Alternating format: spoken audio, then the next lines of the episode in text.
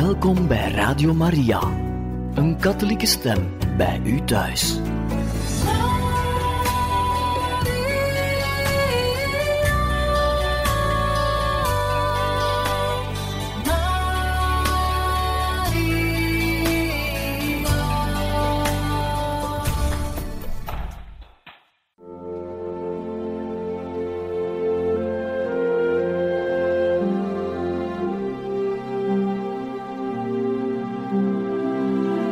Beste luisteraars van Radio Maria, welkom bij het programma Catechismus. Een overweging bij de geloofschat van de kerk.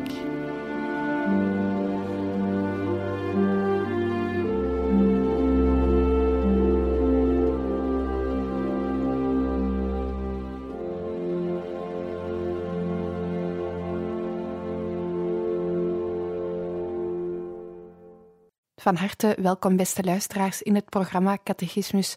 Vandaag kan u verder luisteren naar de paasverhalen volgens het Johannesevangelie, gebracht door Pater Gerard Denis.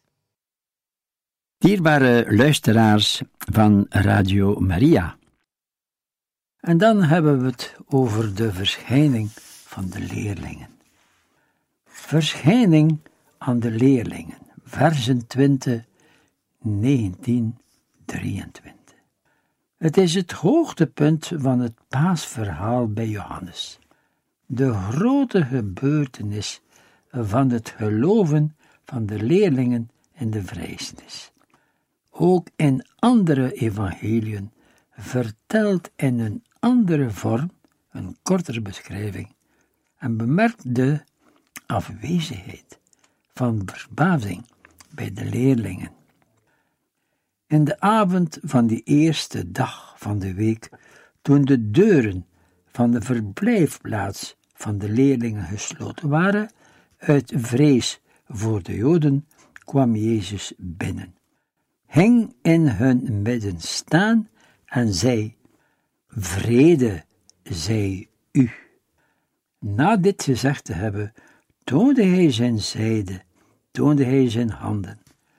De leerlingen waren vervuld van vreugde toen zij de Heer zagen. De deuren waren gesloten, zeiden we reeds. Deze tonen nu dat Jezus die komt voortaan tot een heel andere wereld behoort, de wereld van God, die niet gebonden is aan de wetten van de tijd en van de ruimte. En hij ging in hun midden staan, is als een symbool. Hij is het middenpunt van hun gemeenschap. Vrede zij u, alledaagse groet, shalom.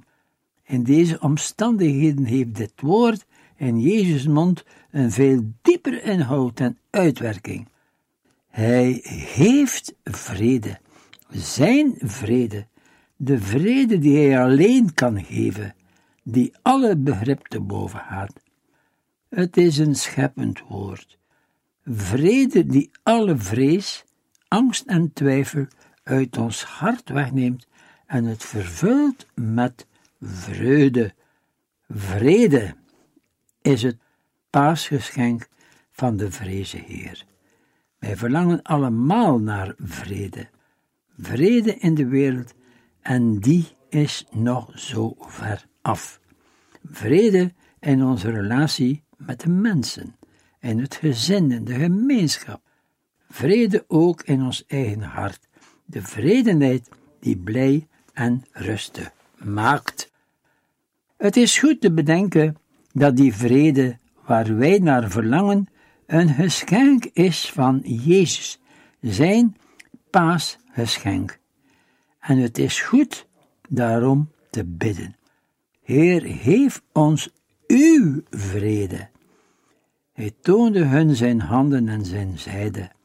Hierdoor moet blijken dat de verrezende dezelfde is als degene die zij tijdens zijn leven gekend hebben. Jezus die gekruisigd werd.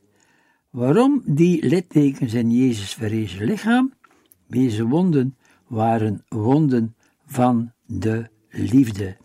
Juist de liefde die ze geleden en opgeofferd had, maakte ze onuitwisbaar. Die liefde heeft die wonden een betekenis geschonken, een glorie die nog de dood, nog de verrezenis ongedaan konden maken.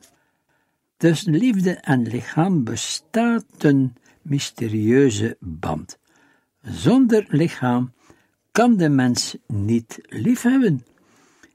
En iedere liefde zal op de duur pijn doen. Elke liefde kent haar eigen wonden in hart en lichaam. Zo gebeurde het ook met Jezus lichaam. Omdat lichamelijk lijden Jezus brengen moest tot een volmaakte liefde, zouden de littekens van zijn wonden eeuwig blijven bestaan. Jezus bestaat heel en hans in deze wonden die voor altijd open blijven, omdat Hij in deze wonden zijn liefde op volmaakte wijze mocht te kennen geven. Deze wonden zijn nu geen ontluistering meer, zoals op het kruis. Zij tooien zijn lichaam, zijn vormen, zij vormen zijn meest luisterrijke versiering. Uit die wonden vloeit nu geen bloed meer, veel eer, zoals de oude iconenschilders het gemerkt hebben, die vloeien licht uit. De wonden van de liefde worden vlammen en bloemen in een lichaam dat verrezen is. De wonden van Gods haat zijn nu de glorietekens van de goddelijke liefde. Nogmaals zei Jezus tot hen: Vrede zij u, zoals de Vader mij gezonden heeft, zo zend ik u. De verrezene die bij de Vader is, zendt de leerlingen zoals hij zelf door de Vader gezonden is. Dit is volgens Johannes nog iets anders dan wat gebeurt bij het aflossen van de wacht, waar de ene de taak van de andere overneemt. Jezus was door de Vader gezonden. Dat betekent dat de Vader in hem werkzaam is. Als hij zijn leerlingen zendt, dan wil het zeggen dat hij op een gelijkaardige wijze in de leerlingen werkzaam is.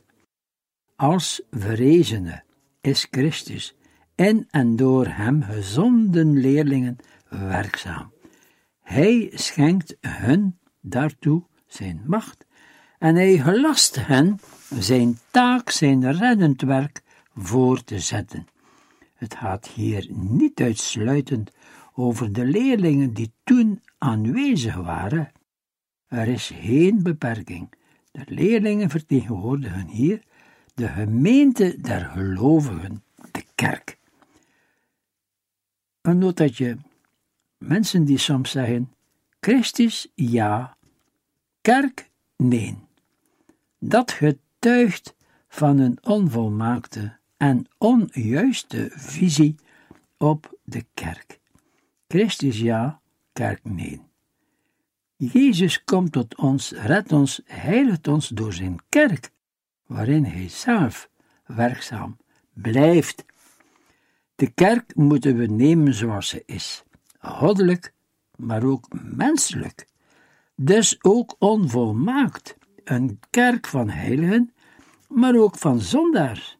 Gelukkig wie zich aan mij niet ergert aan mij zoals ik voorleef en handel in mijn kerkgemeenschap. Aan mij zoals ik voortleeft en niet alleen voorleeft, maar ook handel in mijn kerkgemeenschap. Na deze woorden blief hij over hen en zei: Ontvangt de Heilige Geest. Aan wie hij de zonden verheeft, zijn ze verheven. En aan wie hij ze niet verheeft, zijn ze niet verheven. Voor hun zending krijgen de leerlingen nu, zoals hun beloofd was, de Heilige Geest. Dit wordt zinnebeelden aangeduid door het inblazen. Hij blies over hen. Het inblazen betekent volgens het Oude Testament het overbrengen van leven. Zie het tweede scheppingsverhaal in Genesis 2:7. Hier betekent het een deel laten hebben aan het leven van de verrezene die zelf de geest bezat. De geest die meegedeeld wordt, is een geest van verzoening en verheving, zoals blijkt uit vers 23. Reeds in het Oude Testament bij Ezekiel werd met de uitstorting van de geest de gedachte aan de reiniging der zonden verbonden.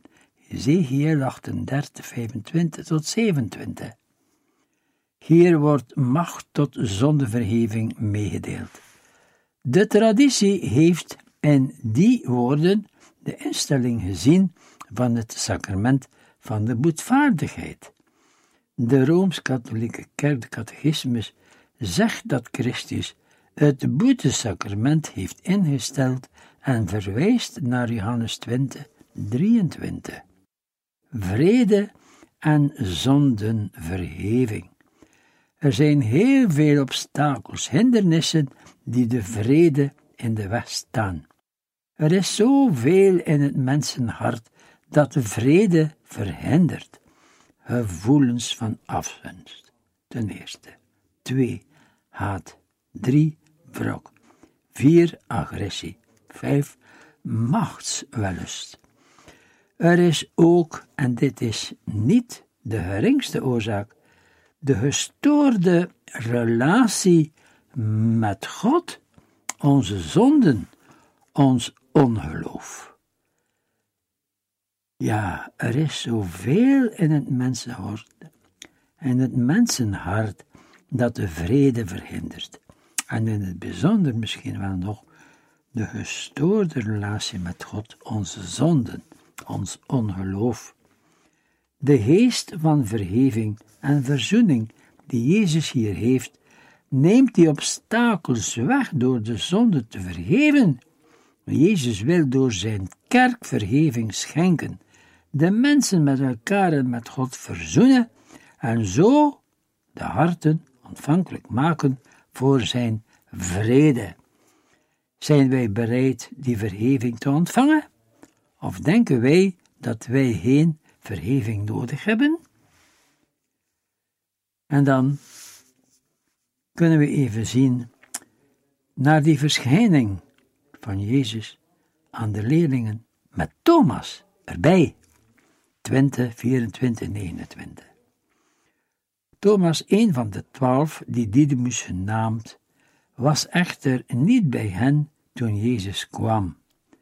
De andere leerlingen vertelden hem: Wij hebben de Heer gezien. Maar hij antwoordde: Als ik niet in zijn zijde het teken van de nagelen zie en mijn vinger in de plaats van de nagelen kan steken en mijn hand in zijn zijde leggen, zal ik het niet geloven. Zal ik het niet geloven? Thomas wordt gewoonlijk de ongelovige Thomas genoemd. Niet helemaal terecht. Hij wordt hier voorgesteld als voorbeeld van gelovige. Dit wordt hij wel vanuit zijn twijfel en onzekerheid en zijn verlangen naar tastbare bewijzen. Hij staat niet alleen met zijn twijfel en aarzeling. Hij is hier bij Sint-Jan de vertegenwoordiger van heel de groep uit de andere evangelie, uit de andere evangeliën blijkt dat ook de andere leerlingen hun twijfels hadden en het aanvankelijk niet geloofden. Luc 24, 38, Matthäus 38, 27, Marcus 16, 11, 13. Jezus zelf zal de ongelovige Thomas tot het volle geloof brengen. De gelovige Thomas. De leerlingen vertellen aan Thomas: Wij hebben de Heer gezien. De ene leerling getuigt voor de andere en brengt de andere naar Jezus. Anderen brengen ons bij Jezus. Wij hebben een grote verantwoordelijkheid voor elkanders geloof, de manier waarop wij ons geloof en over de kerk spreken, en vooral de manier waarop we het geloof beleven, is dikwijls beslissen voor het geloof in anderen, voor het geloof in anderen. En in vers 25 wordt de volle nadruk gelegd op de eis van Thomas, maar doorslaande bewijzen van de verrezenis van Jezus. Ja, die vers 25 wordt de volle nadruk gelegd op de eis van Thomas naar doorslaande bewijzen van de verrijzenis van Jezus. Bemerk de stijgende lijn in die tastbare bewijzen. Het zien van de littekens in de handen, het leggen van de vinger in die plaats, het leggen van de hand in Jezus zijde wonde. Naar bewijzen vragen. Het kan ook gebeuren op deze wijze, bijvoorbeeld als dit of dat niet gebeurt, als er niet iets verandert in de kerk, in onze gemeenschap, dan hoeft het, ja, ja, wat moeten we dan zeggen? Grenzen stellen aan onze inzet, twijfelen aan de mogelijkheden van de verrezenen. Acht dagen later waren zijn leerlingen weer in het huis bijeen en nu was Thomas er wel bij. Hoewel de deuren gesloten waren, kwam Jezus binnen en zei: Vrede zij u. Acht dagen later. Deze tijdsbepaling roept veel vragen op. Hoe overeen te brengen met wat we weten uit andere evangeliën, bijvoorbeeld de opdracht om naar Galilea te gaan, om daar de Heer te zien. Marcus 16:7. Johannes schijnt een speciale bedoeling, gehad te hebben wanneer hij zijn tweede verschijning in aanwezigheid van Thomas op een zondag plaatste. Op een zondag. De zondagsviering was reeds in gebruik toen hij zijn evangelie schreef. Hij koos bewust deze dag, opdat de gelovigen bij hun viering op zondag aan Jezus' verschijning aan Thomas zouden terugdenken. Thomas was met hen. Ondanks zijn scepticisme was Thomas weer naar de groep gegaan. Het tuinis van de anderen had hem niet losgelaten. De plotselinge verandering in het gedrag van de leerlingen moet het hem tot moeten hem wel tot nadenken gestemd hebben. Hij gaat terug naar de gemeenschap in de hoop dat hij daar de verlossing zou vinden aan zijn vragen en twijfels. Geloof ontstaat binnen de gemeenschap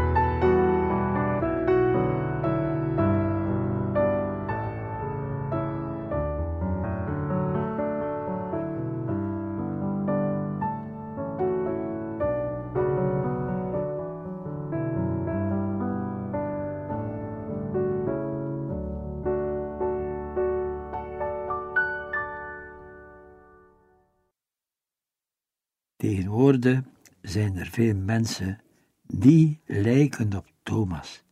Veel mensen leven met vragen en twijfels. Ze zijn ontgoocheld door de kerk en zijn menen dat de kerk geen antwoord kan geven op hun religieuze vragen. Ze gaan dan hun heil zoeken in horoscopen, nemen deel aan spiritistische zittingen, sluiten zich aan bij secten. In Duitsland zijn er driemaal zoveel waarzeggers als priesters. Maar dat doet Thomas niet. Hij blijft bij zijn gemeenschap. Hij blijft bij de kerk. Hij gaat op de eerste dag, dus de zondag, van de week weer terug naar de groep leerlingen van Jezus. Hij gaat het niet elders zoeken. En die groep draagt ook zorg voor Thomas. Terwijl zij over Jezus spreken, komt Jezus zelf bij hen. Dat zegt Pater Lammers in preken en voorbeelden. En de deuren zijn gesloten. Er wordt hier niet gezegd, uit vrees voor de Joden. Deze past niet meer bij de paasvreugde waarvan zij vervuild zijn. Hier wil de evangelist de aandacht trekken op de manier waarop Jezus komt. Met gesloten deuren.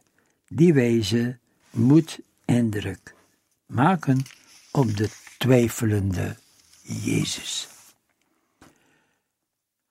Vervolgens zei hij tot Thomas: Kom hier met uw vinger en bezie mijn handen. Steek uw hand uit en leg die in mijn zijde, en wees niet langer ongeloven, maar geloven. Jezus gaat letterlijk in op de eis van Thomas, en daardoor toont hij dat hij hem doorziet. Ook elders in het evangelie van Sint Jan vinden we die bovenmenselijke kennis van Jezus. Zo bijvoorbeeld in de ontmoeting met Nathanael. Vergelijk met dat tafereeltje Nathanael. Jezus doorziet het bewijs hoe hij Nathanael en en Thomas kent.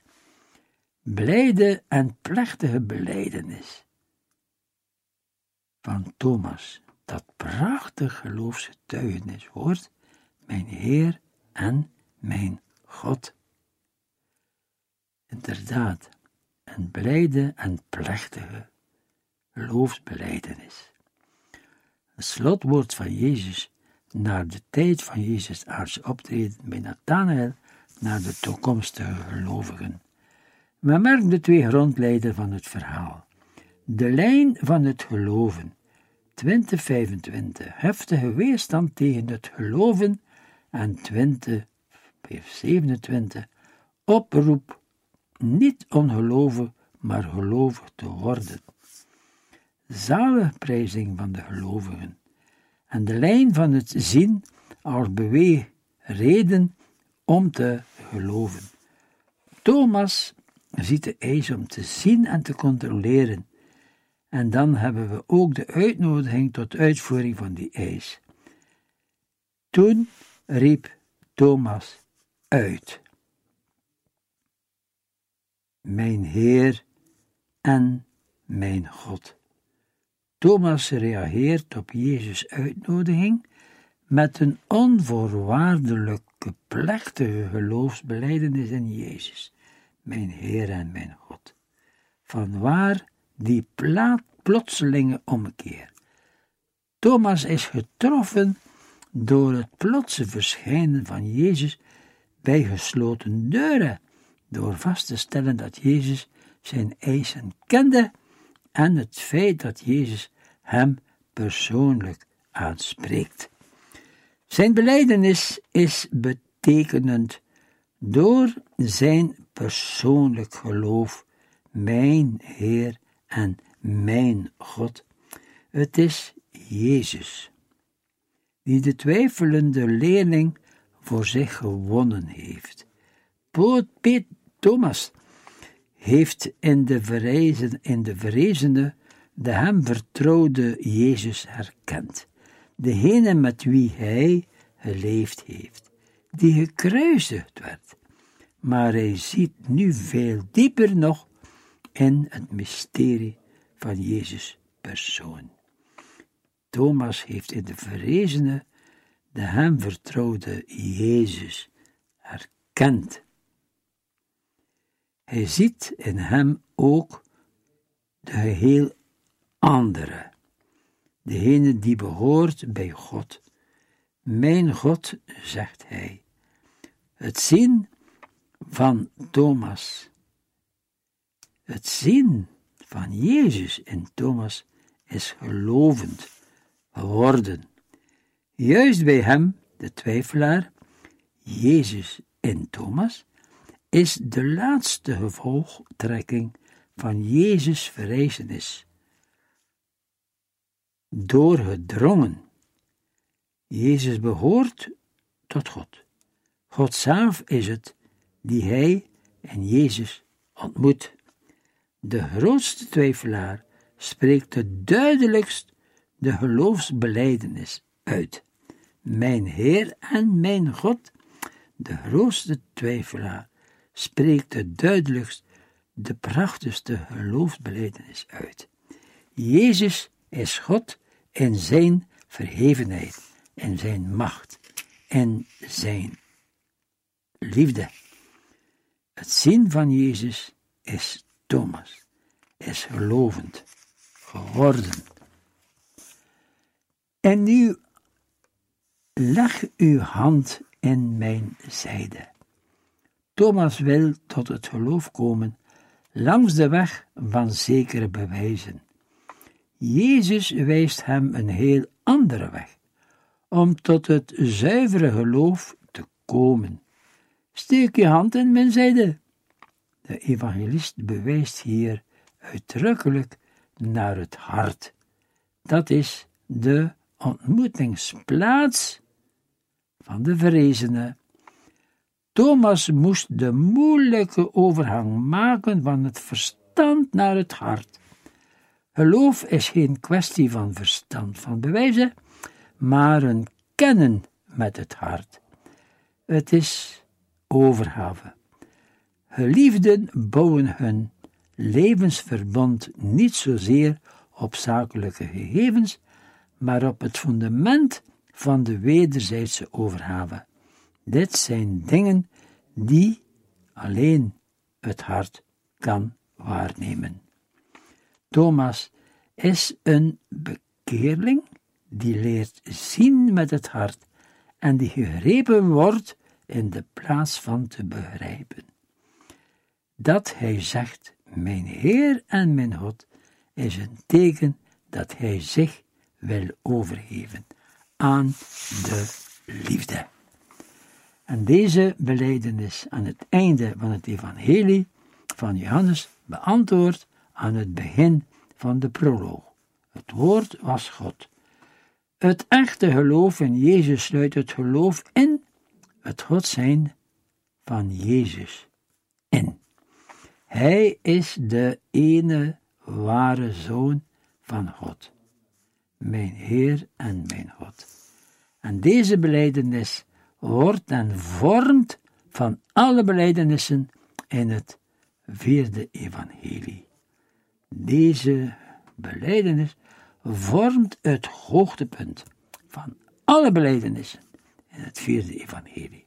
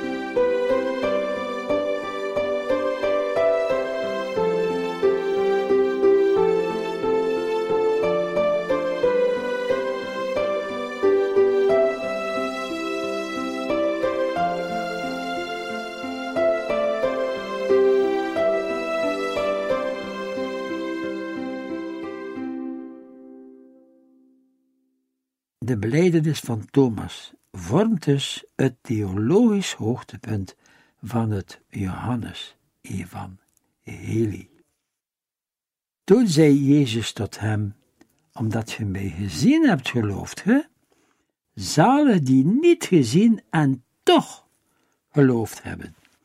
Jezus aanvaardt de belijdenis van Thomas, maar verwijt hem niettemin dat hij pas na de vaststelling door het zien tot het geloof gekomen is. Degene die tot het geloof komen zonder te zien, worden zalig geprezen. Dit is een hoge graad van geloven. Hier kijkt de evangelist naar de toekomst waarin christenen tot het geloof in de verrezenen zullen komen zonder hem gezien te hebben. Hoe zulk tot stand komt, wordt niet gezegd. Blijkbaar gebeurt het ten eerste door het aannemen van de woordverkondiging, of ten tweede door getuigenis van mensen die Jezus gekend hebben, of ten derde ook door het aannemen van het schriftelijke getuigenis dat Johannes door zijn evangelie aflegt, zoals hij het drukkelijk zegt bij het slotvers. Vers 30.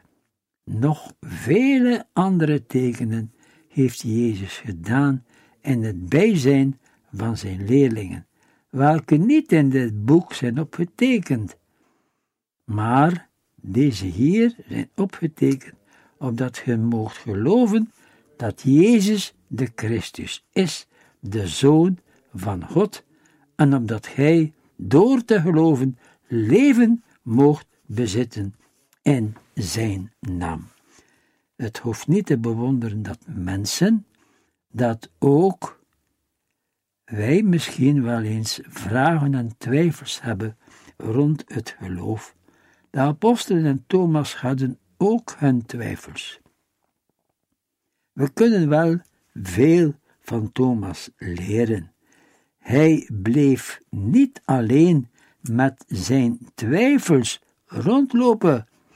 Hij zocht de gemeenschap. Hij zocht naar een ontmoeting met mensen, maar vooral met Jezus. Hij heeft zijn twijfels laten uitroeien tot de mooiste geloofsgetuigenis, mijn Heer en mijn God. Het gebed dat we zo mooi kunnen zeggen na iedere consecratie, wanneer de priester de hostie steekt of de kelk. Mijn Heer en mijn God. Zo moeten wij nooit het laatste woord aan de twijfel laten.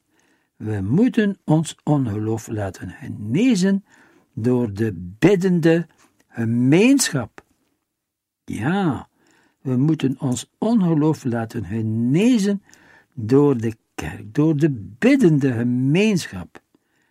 We moeten naar Jezus gaan, omdat Hij ons zwak geloof zou genezen. Dank u wel.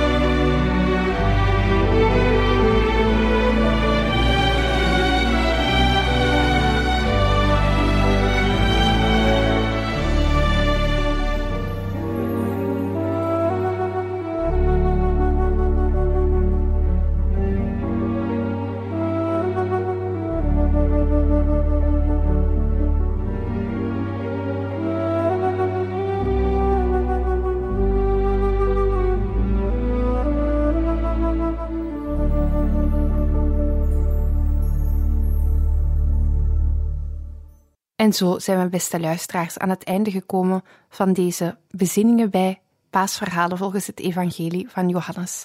Radio Maria wenst u nog een mooie dag toe en een gezegende paastijd.